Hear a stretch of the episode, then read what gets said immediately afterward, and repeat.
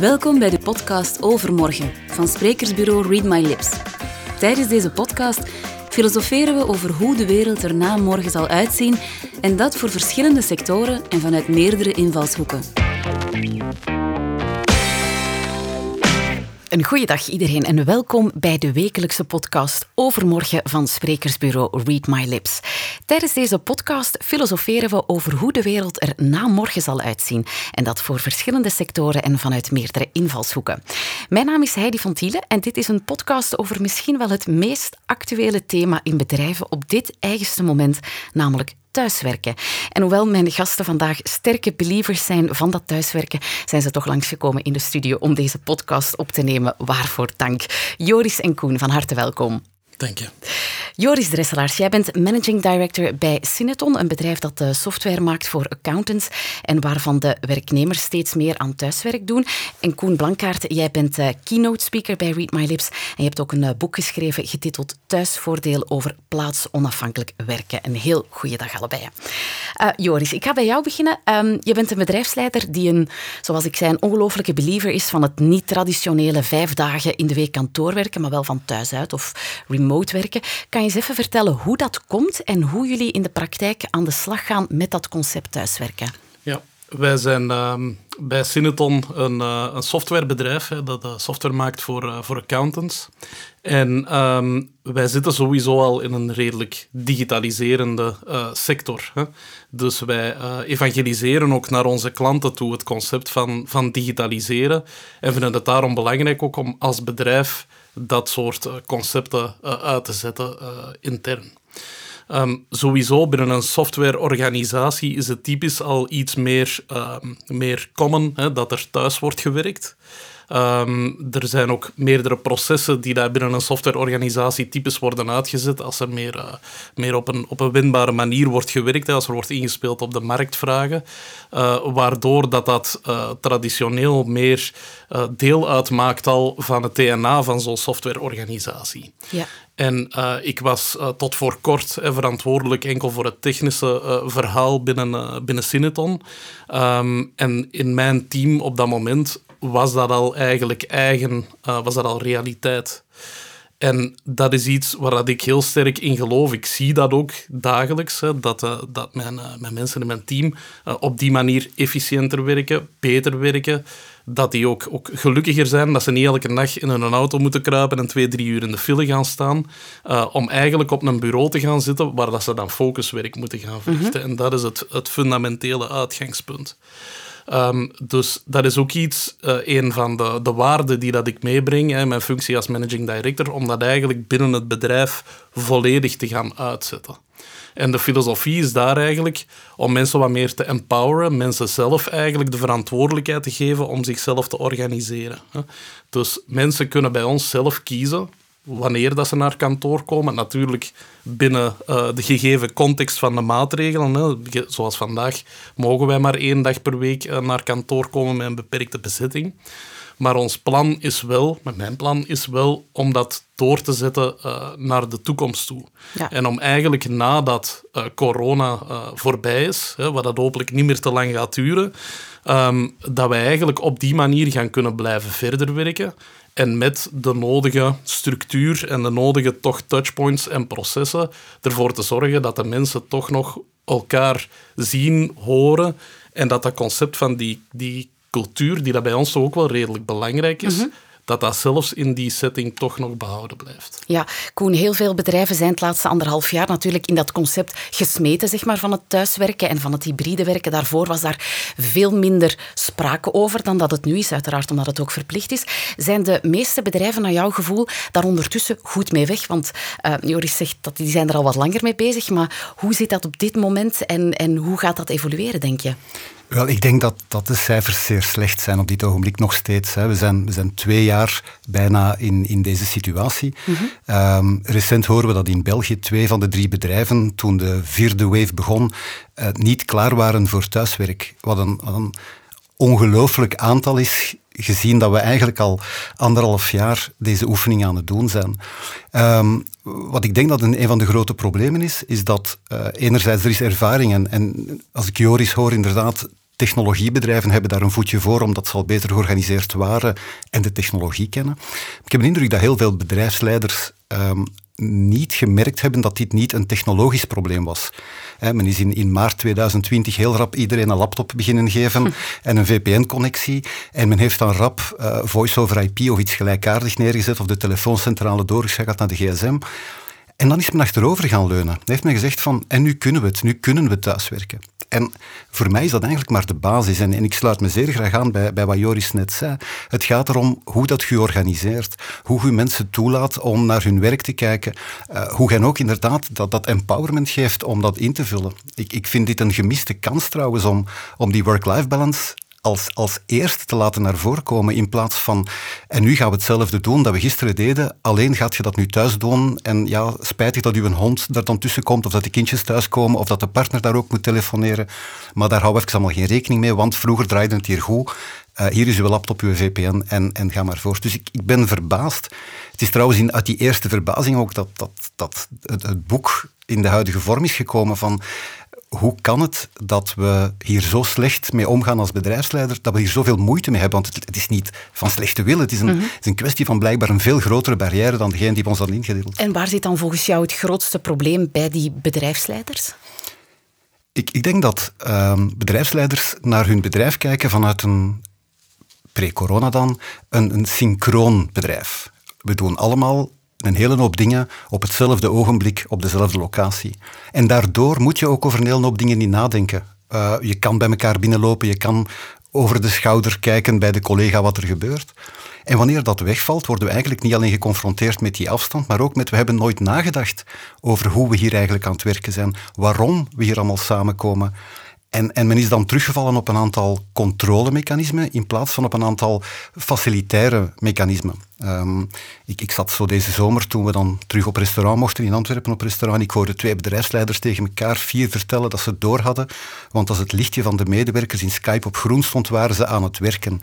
En dat was de manier waarop zij daarmee omgingen. En dat is een heel vreemde om vast te stellen in plaats van te gaan kijken wat moet mijn bedrijf doen? Die raad van bestuur heeft daar een zeer duidelijke visie over. Mhm. Maar die vertaling naar de werkvloer gaat dan eigenlijk van een resultaatgedreven bedrijf naar een inputgedreven bedrijf. 38 uur of 7 uur en 36 minuten per dag. En we gaan die nu zo nuttig mogelijk invullen. En men heeft nagelaten om eigenlijk die vertaling te maken van wat is het resultaat van mijn bedrijf, dus wat is het resultaat van elk team en dus wat is het resultaat dat ik verwacht van elke medewerker. Mhm.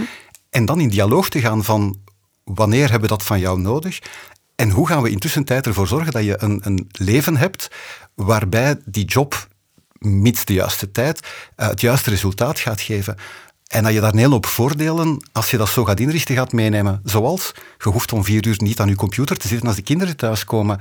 Je kunt inderdaad onder de middag uh, een turken gaan lopen of de wasmachine insteken of enzovoort en zo verder. Ja, ik zie Joris de hele tijd ook knikken van ja, inderdaad, ja, dat klopt helemaal. Um, ligt dan um, zeg maar de sleutel tot een succes een soort vertrouwen bij de bedrijfsleider in zijn mensen?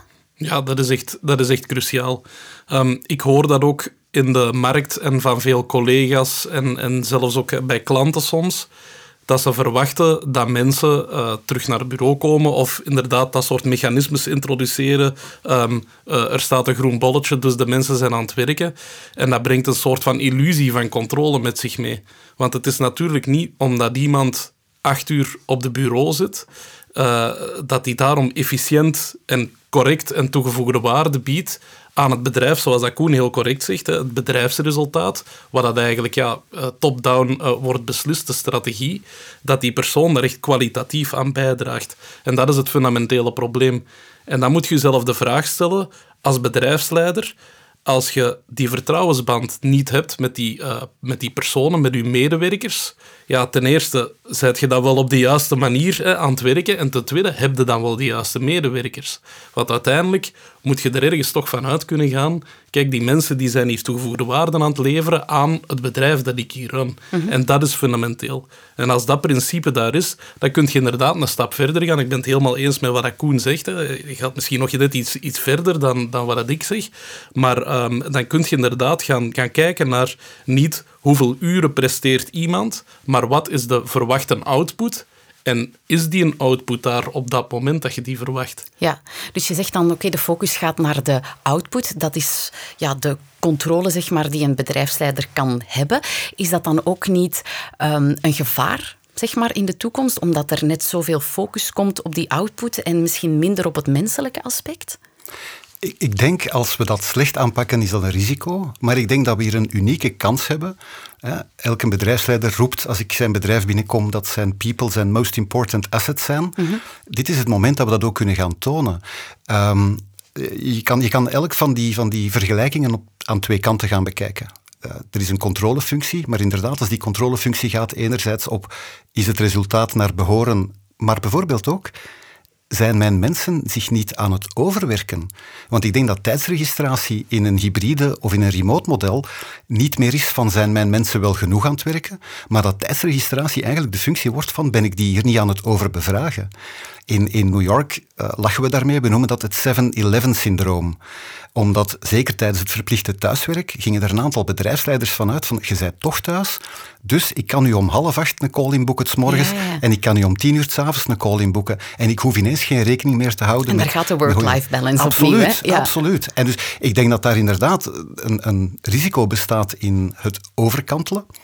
Anderzijds denk ik dat de war on talent is in, in volle hevigheid bezig. De, Great Resignation, um, wie het in België ontkent, moet maar heel dringend met de collega's gaan praten. Uh, mensen vertrekken massaal uit de bedrijven en dat heeft voor een stuk te maken met de ervaring die ze hebben gehad tijdens, tijdens COVID. Dat, dat overbevraagd worden, dat niet respecteren van, van de ruimte die ze nu krijgen. En dat 7-Eleven-syndroom dat voor een aantal mensen wel meespeelt.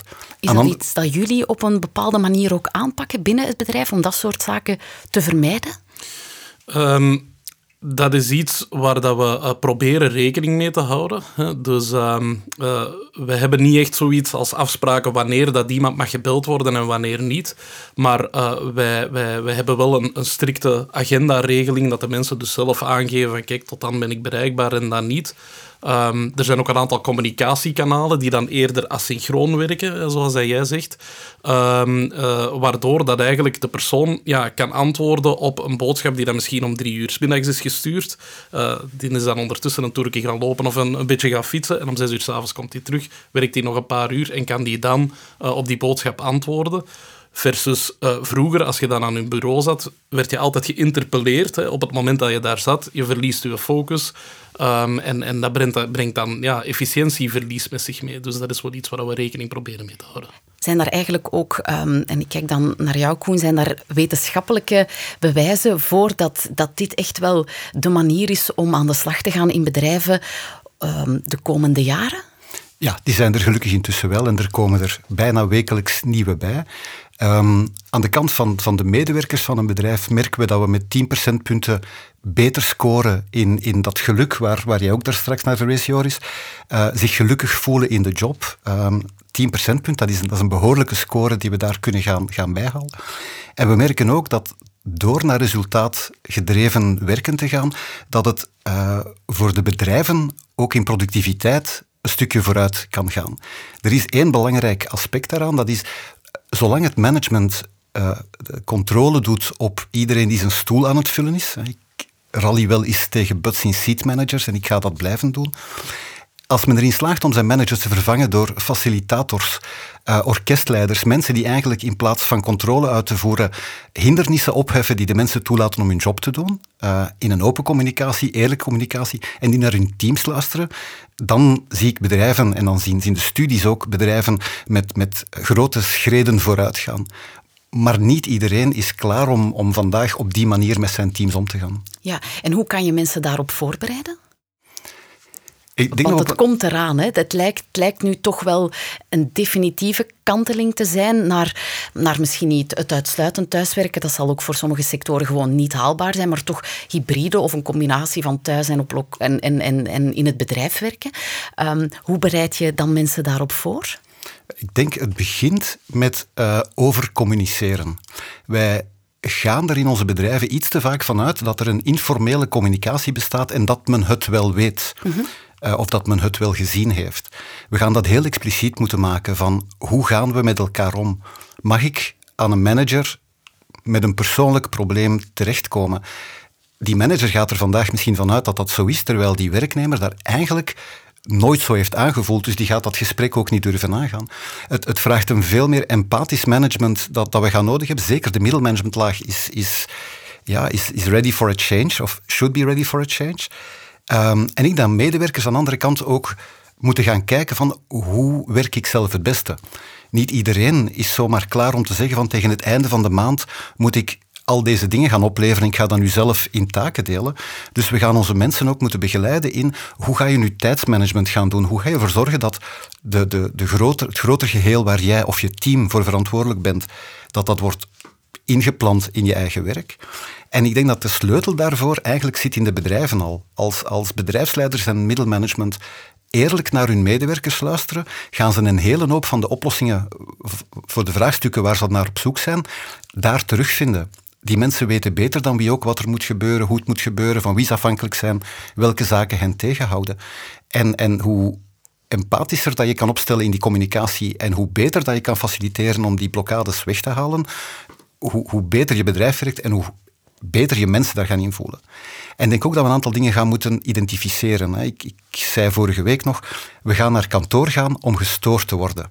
Vroeger vonden we dat een, een kwaal. Mhm. ja, vandaag gaan we eigenlijk om die reden naar kantoor gaan en zullen moeten gaan kijken op teamniveau hoe vaak is dan nodig dat wij deze informele communicatie in persoon met elkaar kunnen voeren. En dan is dat niet aan de overheid om te zeggen het is zoveel dagen per week maar ook niet aan een bedrijf met, met honderden medewerkers die lineair gaat zeggen het is drie of het is twee dagen. Mhm. ja. En dan de laatste die ik daarbij zal zetten is het is niet thuis of op kantoor. Er zijn een hele hoop andere plaatsen waarop mensen productief en goed kunnen werken en samenwerken, gaande van de coffeeshop tot de coworking space. Ik zie, ik zie start-ups momenteel beginnen met platformen waarop de leegstaande kantoren van de ene aan de werknemers van de andere worden aangeboden, omdat die dichter in de buurt wonen en elkaar daar dan kunnen terugvinden. Ja, ik denk dat is het soort van hybride werken waar we naartoe moeten. Het is geen of-of, maar het is welke taak kan ik het best uitvoeren geïsoleerd, mijn, mijn denkwerk. Mhm. Welke taak moet ik met mijn team doen? En dan gaan we met dat team kijken, is dat dan online of, of offline? En wat moet er nog gebeuren op bedrijfsniveau? Inderdaad, zoals Joris daar net ook zegt, om bijvoorbeeld cultuur ehm, te, blijven uh, promoten. Ja, want je hebt het culturele aspect van een bedrijf. Hè. Wie zijn we? Je had het gevoel samen te werken, ook vaak het sociale aspect. Um, zijn er daar manieren waarop jullie dat proberen toch wel degelijk te creëren? Want dat lijkt me niet zo evident als iedereen op eender welke plek dan ook zit, maar wel ver van elkaar zit. Mhm. Ehm, cultuur is ook een stukje natuurlijk perceptie van de persoon.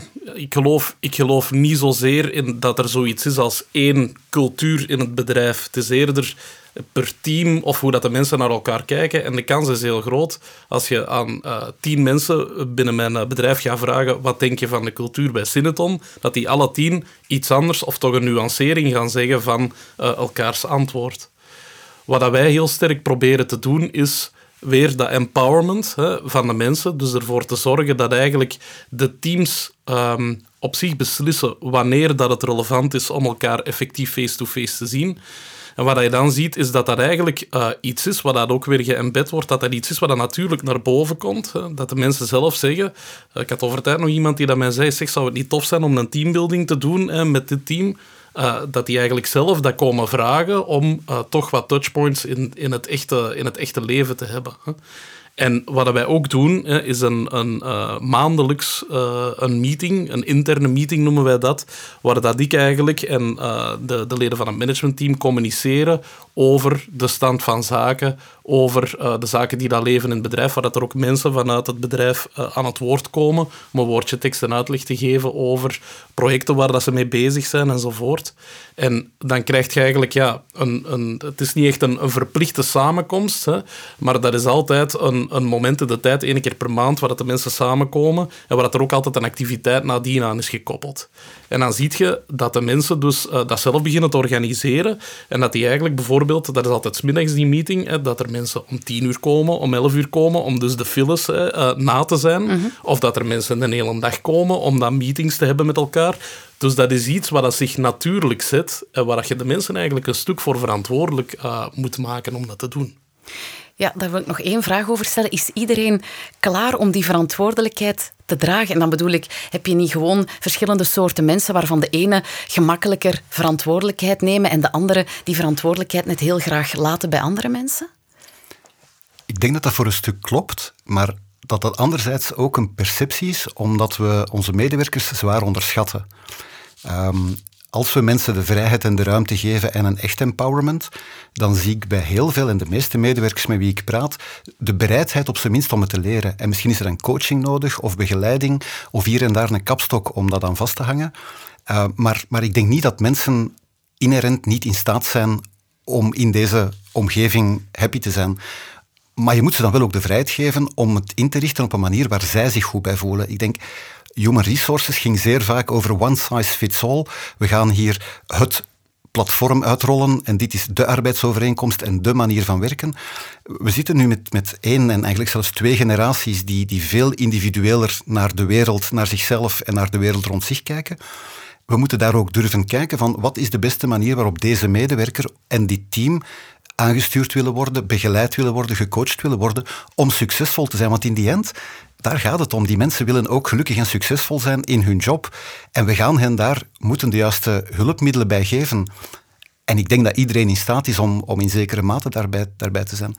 Ik, ik denk daarboven ook dat cultuur een beetje een excuus is van managers om niet aan hybride en remote werk te gaan doen. Want als je dan, je krijgt zeer vaak de tegenwerking, na, na lezingen wordt mij gezegd van, en wat gaan we doen met onze cultuur? Mhm. Ik stel daarop een zeer eenvoudige vraag. Is uw missie, uw visie en uw waarden uitgeschreven op een manier dat iedereen in uw bedrijf ze, werk, ze, ze begrijpt en ermee aan de slag kan, zodat je in die values kan beslissen hoe je beslissingen moet gaan nemen.